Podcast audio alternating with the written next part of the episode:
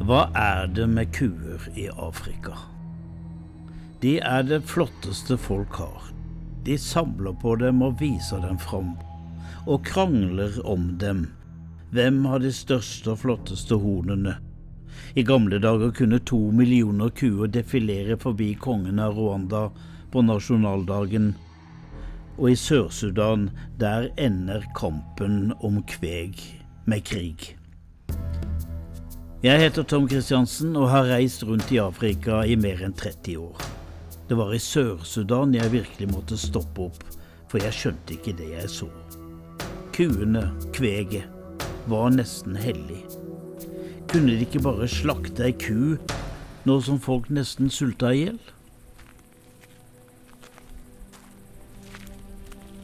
Det går en gammel mann i det tørre elveleiet i Pibor øst i Sør-Sudan. Pibor er kjent for elva og alt vannet som strømmer. Her er stundom flom, men nå har alt tørka. Den gamle mannen har sko som er laget av bildekk, og det er alt. En naken mann med en kalasjnikov over skulderen. Det er det ingen som tar seg nær av. Kvinnene har heller ikke mye å dekke seg med lenger. De har foldet et skjørt om hoftene, det er alt. Hva er det som har gått galt i Pibor? Det er som en forbannelse har rammet byen, og det er ufred mellom familier og stammer, bønder og omstreifere. En gjeng kom i løpet av natta og stjal kveg, ikke ei ku, men en hel bøling forsvant. Det gikk ikke stille for seg, og da de ble oppdaget, skjøt folk etter dem, og de skjøt tilbake. Ingen ble drept, men det var på hengende håret.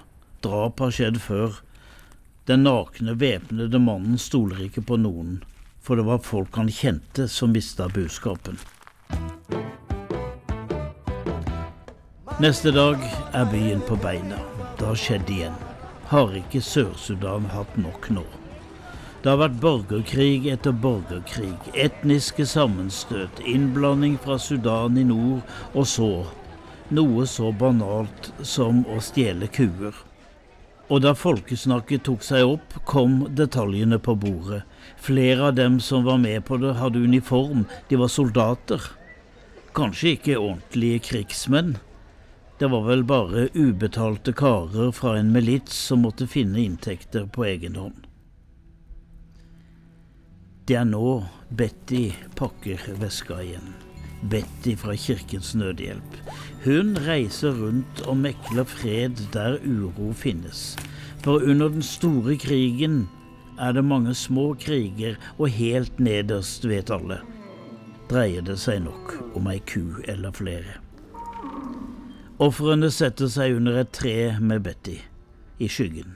Så må de fortelle. Det er noen som vil andre vondt. Det er bare uker siden flere hytter i mindre landsbyer sto i brann. Hvem var det som satte fyr på stråtaket? Hvem var det som ville drive folk fra stedet? Var det murlefolket igjen som ville overta? Nå spør Betty hva som er galt, og det er så mye som er feil. En av bøndene, hun er bare 25, forteller at når det er vann nok, går det greit.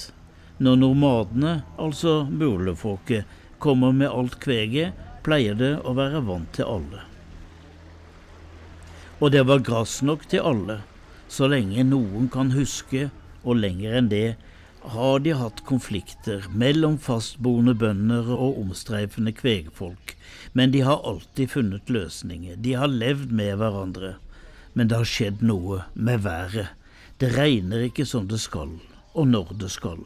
Ikke nok vann og ikke nok gras til omstreifernes kveg når de kommer, for de har ikke gårder selv. Det er merkelig. En bonde med stor besetning som ikke har egen gård, ikke et fjøs, ikke et jorde å dyrke gras på, ikke en brønn. Det er skygge under greinene der Betty har samlet de gråtende kvinnene så forteller de om hva som skjedde da kvegtjuvene kom. De hørte det på bevegelsene til kyrne at noe var galt, larmen fra de løpende kuene. Mennene kan fortelle at dette har skjedd før, og hvor er kveget nå? Kan de komme tilbake? Dette er strengt tatt en politisak, men her er ingen konstabler. Det er Betty de må stole på, og hun skal snakke med the big men, høvdinger og klansledere, kanskje også guvernøren, og så må hun finne omstreiferne som stjal kveget. Hvorfor stjal de? Hun finner dem i nabolandsbyen. De tilstår glatt. Du kan ikke ljuge deg fra 50 kyr som ikke var der i går, men dette var takk for sist. De inne i Pibor stjal kveg fra dem for fire år siden, riktignok ikke deres kyr, så hva er logikken da? Noen lurer på hvorfor Betty er her. Hva skal hun? Er hun fra politiet? Guvernøren? Betty skal ikke ta noen, men nå begynner hun å nøste opp i flokene, for hun har vært der før. De fleste kjenner henne, Sist gang var da de andre hadde tatt kveg, og så var det noen påsatte branner, og så var det krise med unger som holdt på å dø av sult. De er ti rundt et bord nå. Betty setter fram mat, hun har vann og brus, og uendelig god tid, for alle skal få snakke ut. Og jeg begynner å forstå at jeg ikke begriper dette. Disse kyra. De skal ikke til slakt. Kvegeierne selger ikke biffer og kvegskinn. De skal ikke melkes heller, jurene er tomme. Disse dyra skal de bare ha. For en dag skal en ung mann gifte seg, og han må betale brudepris, og uten den får han ingen brud, og han må betale med kveg. Har han ikke budskap, må han skaffe seg. Han må stjele, og gjøre det hele tida. Fram og tilbake går kyra hva koster en brud? De sier her at når kyra går i ring rundt brudekandidaten, og de er så mange at du ikke ser jenta lenger, da er det nok til brudeprisen. Kanskje 20 kyr. Derfor er det så vanskelig med disse dinka-jentene. De er veldig høye, og derfor blir prisen høy. Det skal mange kyr til å dekke ei jente på 1,80. Men, tenker jeg i det stille, dersom man kutta ut brudeprisen, ville alt dette falle. Da ville problemet være løst, og dessuten, hvorfor er det en ungdom som skal betale? Ikke har han penger eller kyr, og trenger dessuten begge deler til å stifte familie. Brudens far skal få kyra for å ha oppdratt jenta, men han har som regel nok kveg. Burde det ikke være han som betalte dattera og svigersønnen? Nå hører jeg historier om at folk har vært døden nær før de har slakta ei ku. Betty må respektere disse skikkene, samme hvor flokte de gjør livet på landsbygda i Sør-Sudan. Sist Betty var her, hadde noen satt fyr på stråtakene til leirhyttene. Om natta sto de i brann. Avlingene ble også satt fyr på, maisen brant, og brønnene ble forgifta. Pumpa til vannbeholdningen ble ødelagt. Hvorfor? De som angrep fienden, ville gjøre det umulig å bo der igjen. Hvorfor? På grunn av hevn, misunnelse, tradisjoner og fordi de hører til feil stamme. Mens de satt i samtaler, kom etter hvert alt fram. Betty fikk tak i de som hadde tent på. De kom og ga sin versjon. Og du skal ha en engels tålmodighet for å sitte her, og erfaring i mekling, og så må du kjenne både juss og sedvane. Betty husker godt den natta barna forsvant fra flere landsbyer. Det var en torsdag i mars i fjor. Da folk sto opp neste morgen, manglet det 58 unger. De yngste var to år, de eldste 18. Det var mødre blant dem også. Boyoi var 16 og skrekkslagen. Folk løp i alle retninger. Kidnapperne var ganske unge menn. Moren og broren og søstrene hennes løp i hver sine retninger.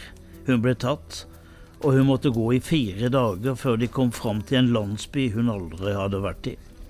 Der ble hun en del av familien. De behandlet henne bra, hun fikk mat, men hun savnet familien, og hun visste ikke om også de var blitt bortført. En dag på markedet møter hun sin mor. Hun hadde blitt bortført til en annen landsby. Nå begynte noen forhandlinger om hun kunne bo sammen med mor, og de ble enige om det, men det tok lang tid før de bortførte barna kom hjem igjen, hvis de i det hele tatt gjorde det. FN kom med autoriteter og penger, jeg var høvdinger og regjeringsfolk, og det var de tradisjonelle meklerne som ordna at det til slutt ble gjenforening. Men Betty husker tilfeller hvor barn ble borte over så lang tid at de glemte språket sitt og snakket plutselig kidnappernes språk. De husket ikke engang navnene på foreldrene. Igjen spør jeg hvorfor og får mangfoldige svar. Hevn var en grunn, og ydmykelse. Familiene som mister barna, de fremsto som veike folk, de kunne ikke passe på ungene sine. Men det var like mye at noen andre ønsket seg barn de ikke hadde, og noen ganger hadde det gått så lang tid at barna følte seg hjemme i den nye familien. I en rettsstat ville dette vært enkelt. Man henter barna tilbake og dømmer kidnapperne. Men i Sør-Sudan, med et ferskt og uprøvd demokrati, er gammel vane stundom sterkere enn nymotens juss. Du er først murle eller dinka eller nuer, dernest er du sørsudaner. Og lokale myndigheter har forbindelser til politikere i Juba, hovedstaden. Dermed blir mordbrann, barnebortføringer og kvegtjuverier til politiske saker.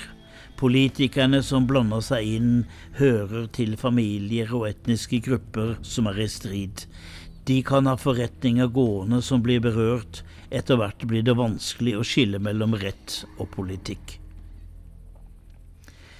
Jeg jobbet ved presidentens kontor i Juba i Sør-Sudan for 15 år siden. Bekymringene var mange for de etniske kvegtjuveriene, og en dag kom en gammel mann på besøk til president Salva Kiir.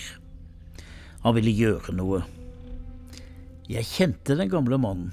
Det var den katolske biskopen Paride Taban.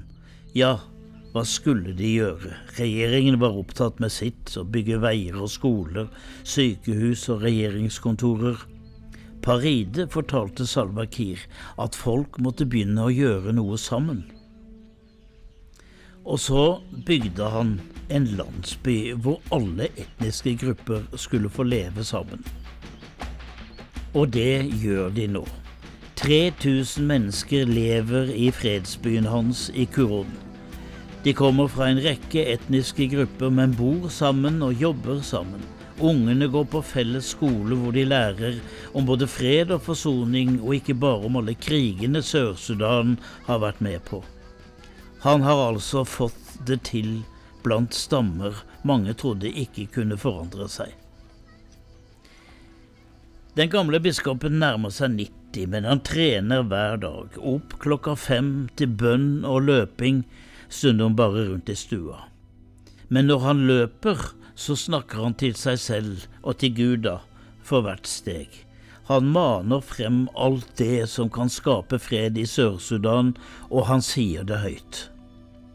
Kjærlighet, fred, tålmodighet, medfølelse, mildhet, sympati, vennlighet, trofasthet, selvkontroll, ydmykhet, tilgivelse, nåde, tillit, enhet, renhet, tro og håp. Og hvis ikke det er nok, husk noen ord til. Jeg elsker deg. Jeg savner deg. Takk. Jeg tilgir. La oss legge det bak. Sammen. Jeg tok feil. Beklager. Ja, slik skal det bli fred i Sør-Sudan, helt ned i den minste landsby. Og det skal være kuer nok til alle.